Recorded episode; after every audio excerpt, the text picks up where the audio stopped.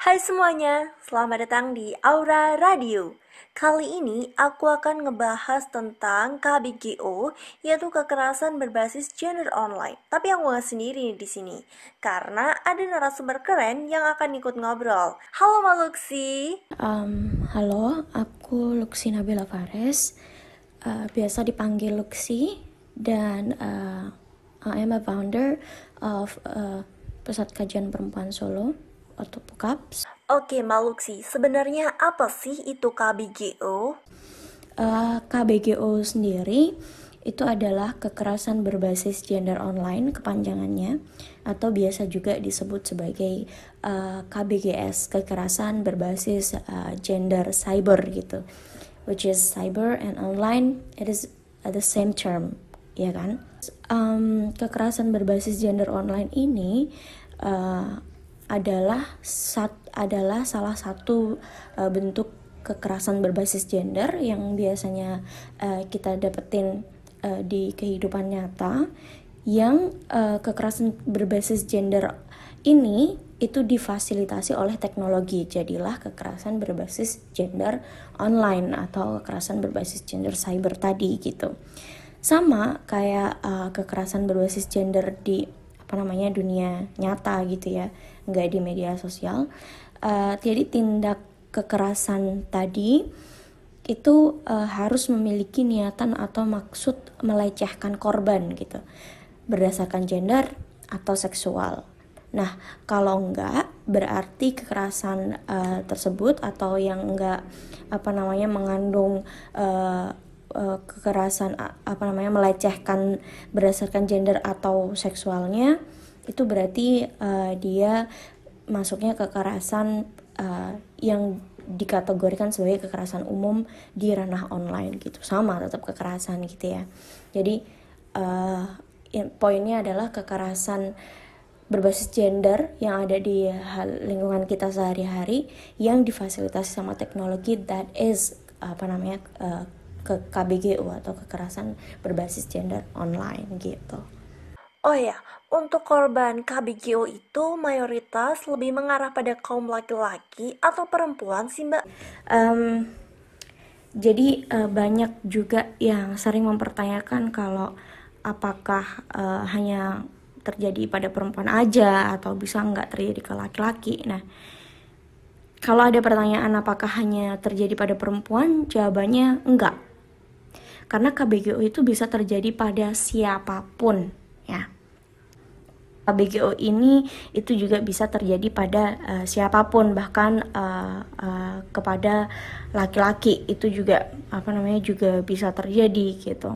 Uh, ya contoh contoh apa namanya yang terjadi di laki-laki pun juga banyak kok. Maksudnya uh, yang dia uh, mendapatkan komentar-komentar uh, seksis uh, kenapa kok nggak kayak misal uh, dia punya style yang apa namanya yang feminin style style mode yang feminin terus dibilang oh kamu uh, bencong ya banci ya atau apa kayak gitu juga sering terjadi di apa namanya uh, media sosial kita terus nanti nyerangnya nggak cuma soal seksualitasnya dia aja tapi bahkan nanti ke agama merembetnya atau bisa keras kayak gitu-gitu. Jadi as as a complicated as that gitu.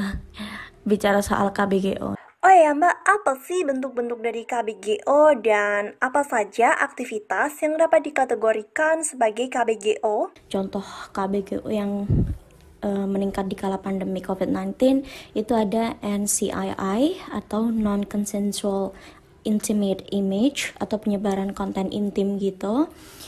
Uh, revenge porn and sextortions itu juga. Kemudian doxing atau penyebaran PII seseorang. PII itu personal identifiable informations dari seseorang. Uh, non konsensual ya uh, tidak tanpa izin juga.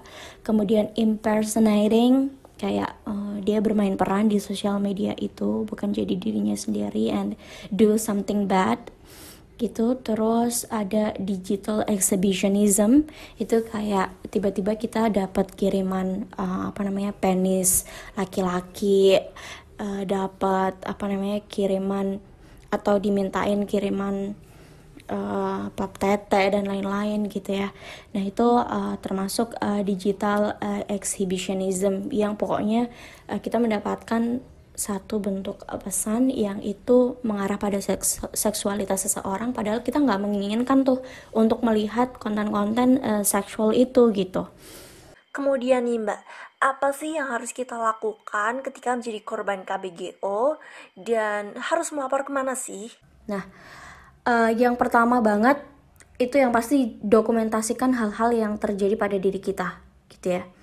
Uh, apa pun itu uh, kalau bisa secara detail gitu dokumen uh, nya nanti di apa namanya disendiriin kemudian nanti bisa dibikin kronologisnya jadi nanti bisa membantu uh, proses pelaporan pastinya dan pengusutan uh, di pihak berwenang gitu Uh, terus yang kedua itu pantau situasi yang dihadapi.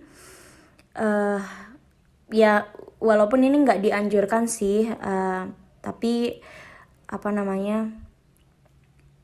Tapi nggak apa-apa. Jadi uh, kalau misalnya masih mampu untuk memantau situasi dengan uh, dengan kita sendiri, it's okay. Tapi kalau misalnya udah kayak nggak nggak mampu lagi untuk apa namanya membaca atau melihat eh, pesan-pesan uh, yang dikirimkan sama uh, seseorang ke kita tanpa konsen kita ya udah yang penting didokumentasiin terus uh, apa namanya uh, dibikin kronologinya itu bahkan dibikin dokumen tersendiri dimuat di dokumen tersendiri dan diamankan di backup kayak gitu ya.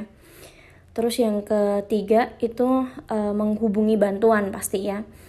Uh, bantuannya bisa macam-macam uh, de apa namanya ke individu, ke lembaga, organisasi atau institusi yang uh, teman-teman percaya yang dapat memberikan uh, bantuan gitu. Uh, mungkin yang terdekat dari lokasi tempat tinggal seperti uh, bantuan pendamping hukum kayak uh, LBH itu juga bisa lembaga bantuan hukum uh, pendampingan psikologis juga uh, kayak layanan konseling, kemudian uh, dan juga bantuan terkait uh, keamanan digital. Nah, uh, teman-teman bisa untuk menghubungi Komnas Perempuan karena uh, mereka menyediakan saluran khusus uh, pengaduan itu melalui telepon di 021 3903 963 dan 021 803 053 99 atau bisa melalui uh, apa namanya emailnya mereka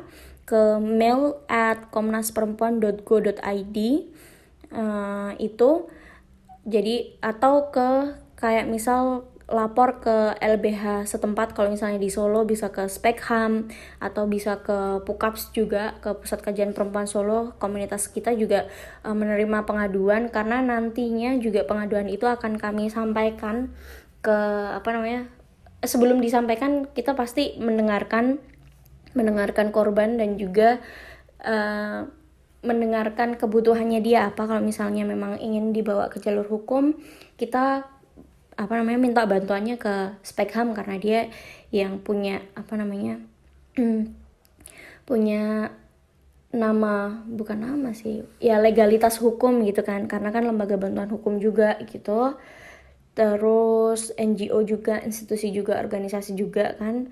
Jadi kita apa ya sebagai perantara gitu loh untuk pukaps. Oh ya Mbak Luxi, pernah nggak sih mendapat pesan dari media sosial di mana isi chatnya itu nggak senonoh atau kurang sopan?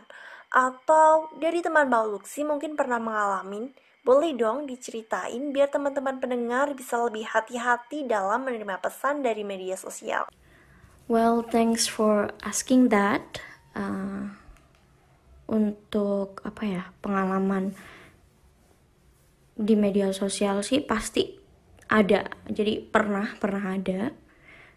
Alhamdulillahnya nggak sering karena pasti bakalan stressful sih. Uh, yang pertama kalau nerima konten kayak uh, apa namanya bagian seksual dari seseorang yang dikirimin ke aku pernah sekali. Uh, padahal gini kalau itu bukan di media sosial itu di WhatsApp.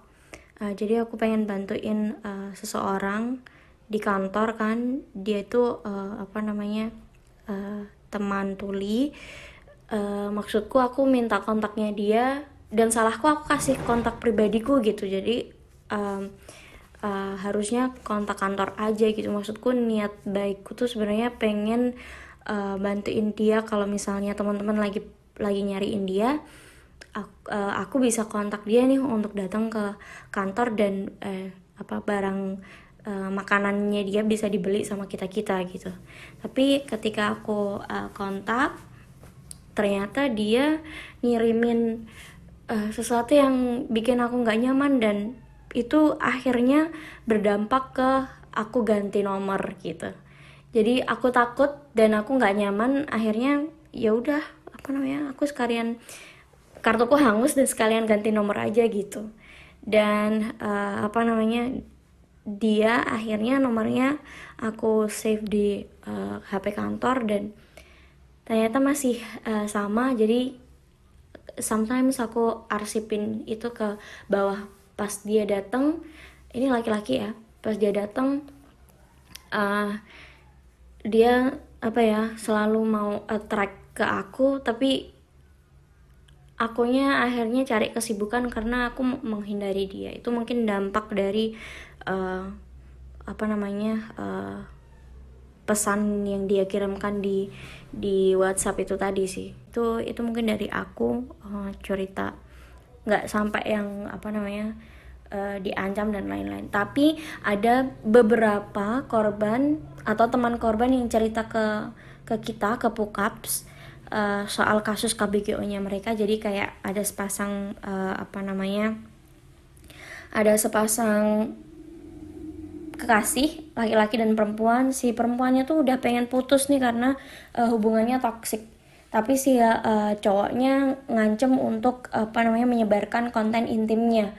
Uh, atau bahkan uh, kayak foto pap teteknya si perempuan ini mau disebar gitu loh. Jadi itu termasuk ancaman uh, kekerasan gender dan itu termasuk KBGO kayak gitu itu jadi uh, waktu itu aku minta untuk di screenshot tapi ternyata udah dihapus karena takut uh, pokoknya lebih ke ancaman-ancaman itu banyak yang cerita kayak gitu Oke, pertanyaan yang terakhir nih. Jadi Mbak Luxi, sebenarnya seberapa penting sih pemahaman KBGO itu untuk teman-teman pendengar podcast ini? Well, um, soal seberapa penting uh, pemahaman KBGO buat teman-teman itu uh, penting banget. Karena uh, tadi yang aku bilang di awal bahwa kekerasan berbasis gender online, kekerasan berbasis gender di dunia nyata itu adalah sebuah kejahatan, itu adalah sebuah pelanggaran hak asasi manusia, nggak cuma di Indonesia tapi juga di uh, apa namanya uh, dunia internasional gitu mengakui itu soal apa namanya keamanan data privasi diri kita gitu-gitu.